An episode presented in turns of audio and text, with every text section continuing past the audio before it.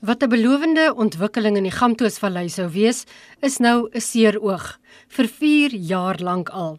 Mense staan rond op die bouterrein en masjinerie skuif net heen en weer, maar byna geen vordering is te sien nie.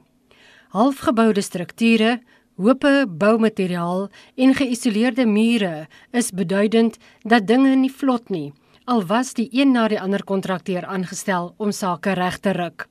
Die sentrum word gebou deur die Nasionale Departement van Openbare Werke namens die Departement van Kuns en Kultuur. 'n Afvaardiging van die Demokratiese Alliansie het 'n oorsiginspeksie op die bouterrein gedoen wat reg oor die graf van Sarah Baartman geleë is.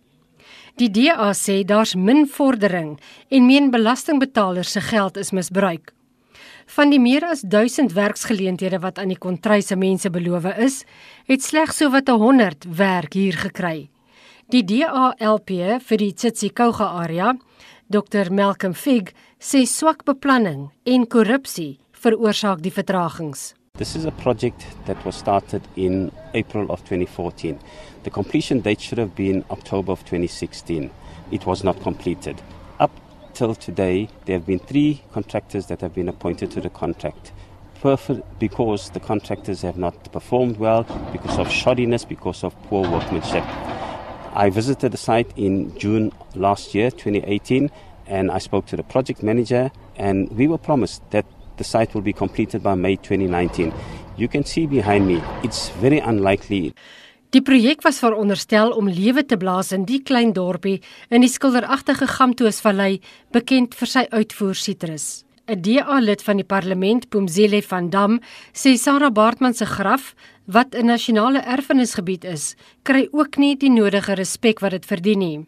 Waar dit op 'n koppie gelees met 'n uitsig oor die ganse vallei, is dit erg gevandaliseer. We are a little bit disappointed that her gravesite is not um a proper burial site where South Africans can come and learn about South Africa's history, learn about her experience. So we're disappointed that it's not given the proper prominence that it should have.